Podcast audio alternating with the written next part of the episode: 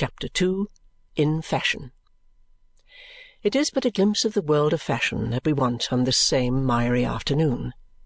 It is not so unlike the Court of Chancery but that we may pass from the one scene to the other as the crow flies.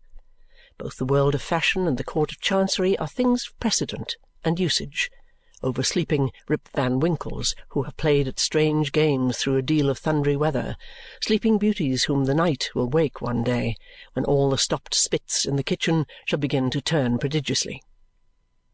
It is not a large world, relatively even to this world of ours, which has its limits too, as your Highness shall find when you have made the tour of it and are come to the brink of the void beyond. It is a very little speck. There is much good in it, there are many good and true people in it, it has its appointed place.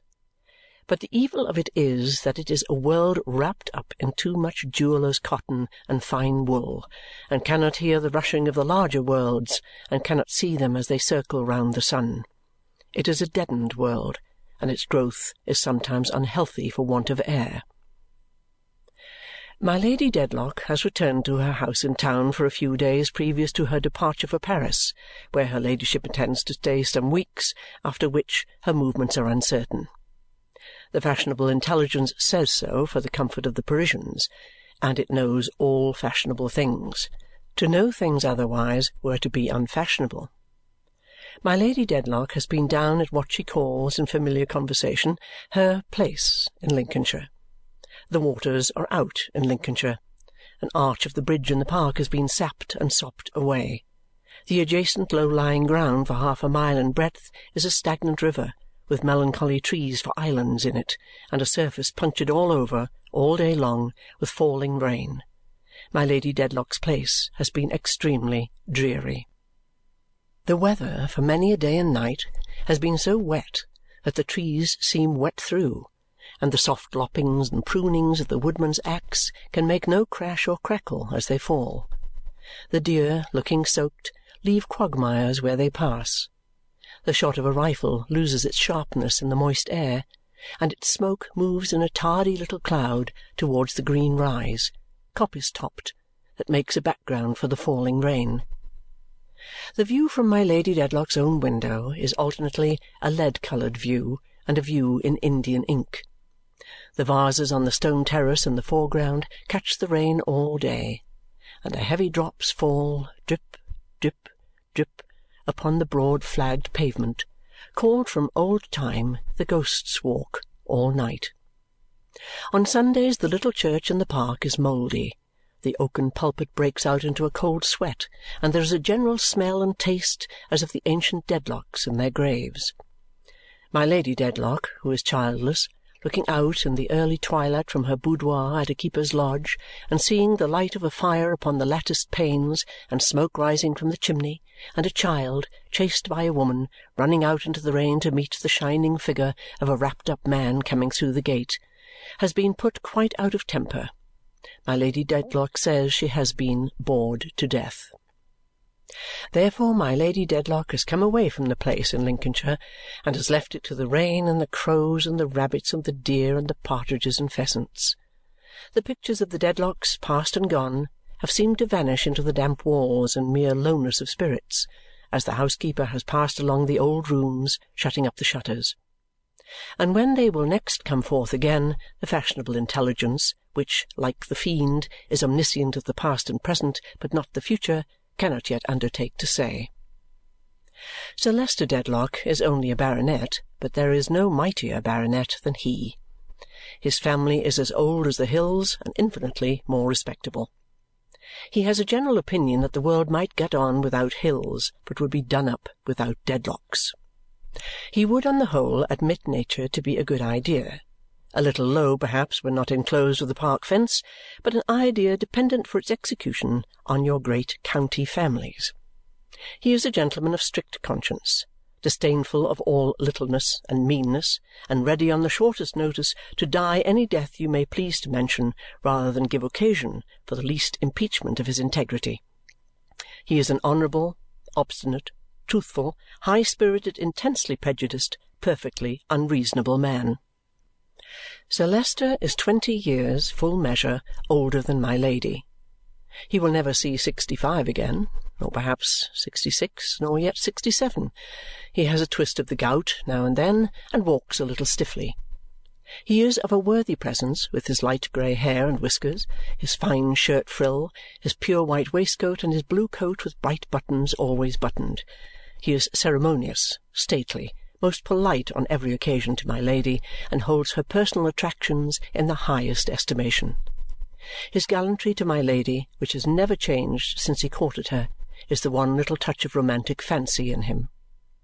Indeed, he married her for love a whisper still goes about that she had not even family, howbeit Sir Leicester had so much family that perhaps he had enough and could dispense with any more.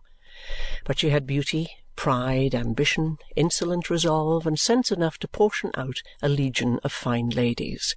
Wealth and station, added to these, soon floated her upward, and for years now my Lady Dedlock has been at the centre of the fashionable intelligence and at the top of the fashionable tree. How Alexander wept when he had no more worlds to conquer, everybody knows, or has some reason to know by this time, the matter having been rather frequently mentioned.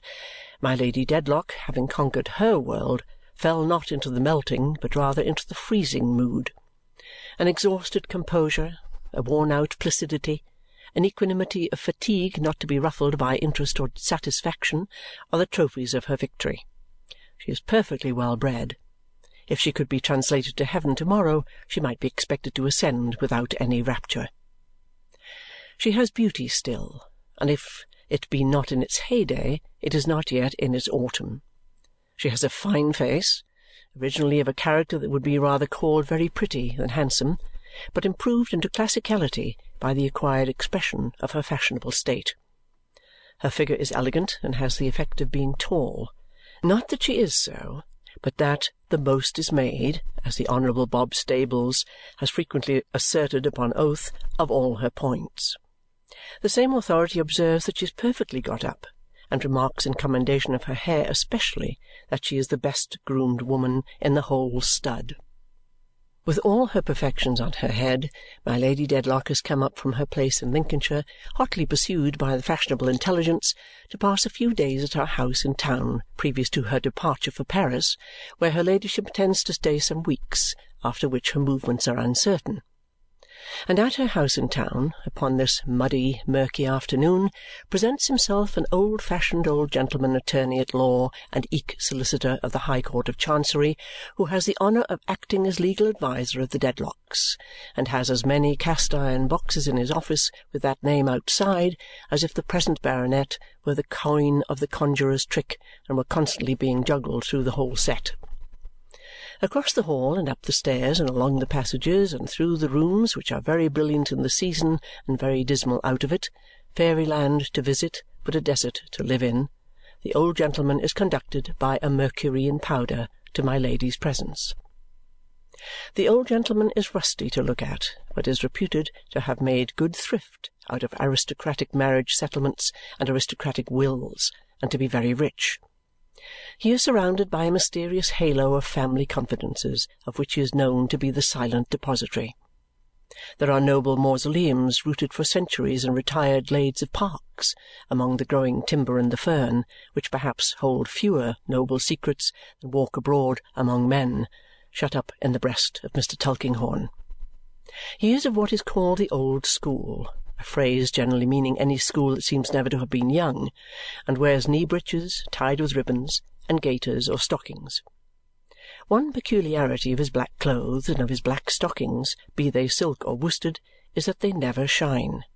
Mute, close, irresponsive to any glancing light, his dress is like himself. He never converses when not professionally consulted. He is found sometimes speechless but quite at home at corners of dinner-tables in great country houses and near doors of drawing-rooms, concerning which the fashionable intelligence is eloquent, where everybody knows him and where half the peerage stops to say, "How do you do, Mr. Tulkinghorn?" He receives these salutations with gravity and buries them along with the rest of his knowledge. Sir Leicester Dedlock is with my Lady and is happy to see Mr. Tulkinghorn. There is an air of prescription about him which is always agreeable to Sir Leicester. He receives it as a kind of tribute. He likes Mr. Tulkinghorn's dress. There is a kind of tribute in that too. It is eminently respectable, and likewise, in a general way, retainer-like. It expresses, as it were, the steward of the legal mysteries, the butler of the legal cellar of the Dedlocks. Has Mr. Tulkinghorn any idea of this himself? It may be so, or it may not. But there is this remarkable circumstance to be noted in everything associated with my Lady Dedlock as one of a class, as one of the leaders and representatives of her little world. She supposes herself to be an inscrutable, being quite out of the reach and ken of ordinary mortals, seeing herself in her glass, where indeed she looks so.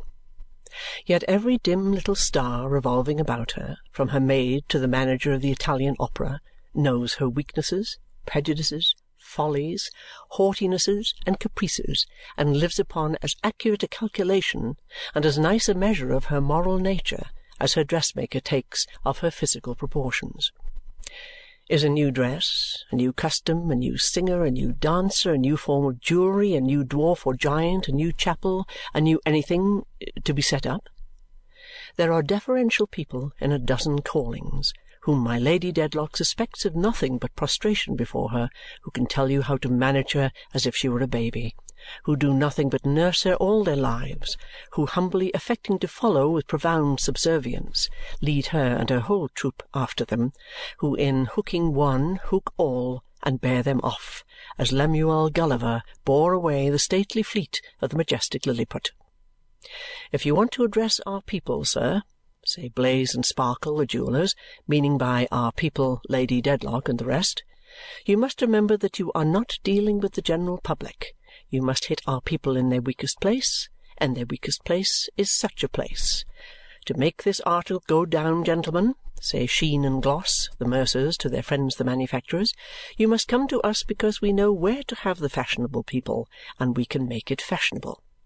If you want to get this print upon the tables of my high connexion, sir, says Mr. Sladdery, the librarian, or if you want to get this dwarf or giant into the houses of my high connexion, sir, or if you want to secure to this entertainment the patronage of my high connexion, sir, you must leave it, if you please, to me, for I have been accustomed to study the leaders of my high connexion, sir, and I may tell you without vanity that I can turn them round my finger in which Mr. Sladdery, who is an honest man, does not exaggerate at all.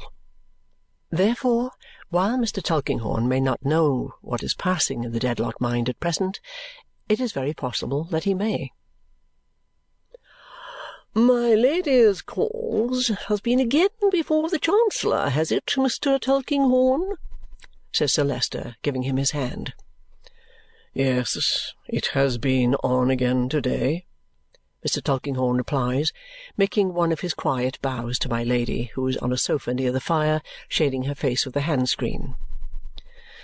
"It would be useless to ask," says my Lady, with the dreariness of the place in Lincolnshire still upon her, "whether anything has been done." "Nothing that you would call anything has been done to-day," replies Mr. Tulkinghorn. "Nor ever will be says my Lady. Sir Leicester has no objection to an interminable Chancery suit. It is a slow, expensive, British, constitutional kind of thing. To be sure, he has not a vital interest in the suit in question, her part in which was the only property my Lady brought him, and he has a shadowy impression that for his name, the name of Dedlock, to be in a cause and not in the title of that cause is a most ridiculous accident. But he regards the Court of Chancery, even if it should involve an occasional delay of justice and a trifling amount of confusion, as a something devised in conjunction with a variety of other somethings by the perfection of human wisdom for the eternal settlement, humanly speaking, of everything. And he is upon the whole of a fixed opinion that to give the sanction of his countenance to any complaints respecting it would be to encourage some person in the lower classes to rise up somewhere, like Wat Tyler. "As a few fresh affidavits have been put upon the file," says Mr. Tulkinghorn, "and as they are short, and as I proceed upon the troublesome principle of begging leave to possess my clients with any new proceedings in a cause cautious man, Mr. Tulkinghorn, taking no more responsibility than necessary. "And further, as I see you are going to Paris, I have brought them in my pocket." Sir Leicester was going to Paris too, by the by, but the delight of the fashionable intelligence was in his Lady. Mr. Tulkinghorn takes out his papers, asks permission to place them on a golden talisman of a table at my Lady's elbow, puts on his spectacles, and begins to read by the light of a shaded lamp.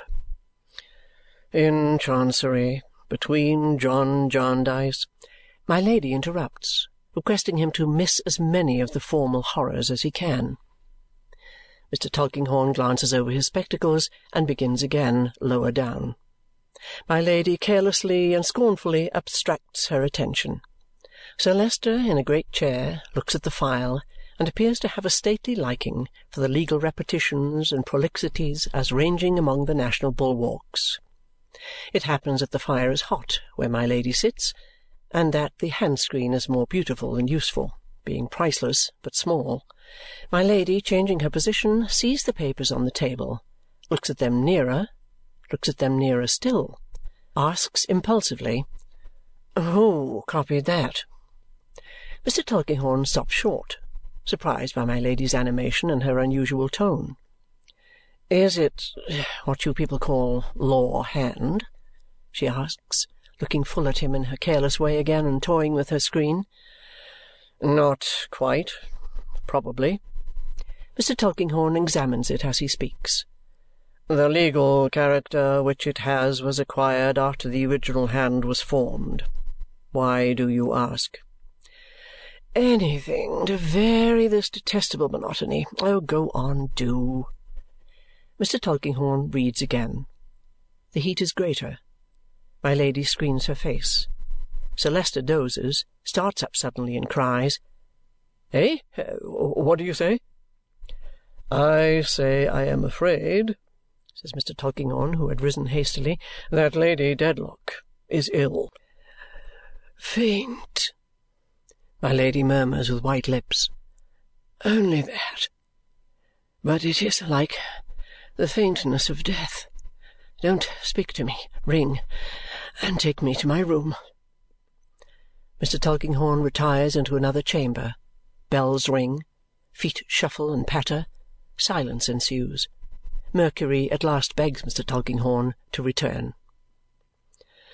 "Better now," quoth Sir Leicester, motioning the lawyer to sit down and read to him alone. "I have been quite alarmed. I never knew my Lady swoon before. But the weather is extremely trying, and she really has been bored to death down at our place in Lincolnshire.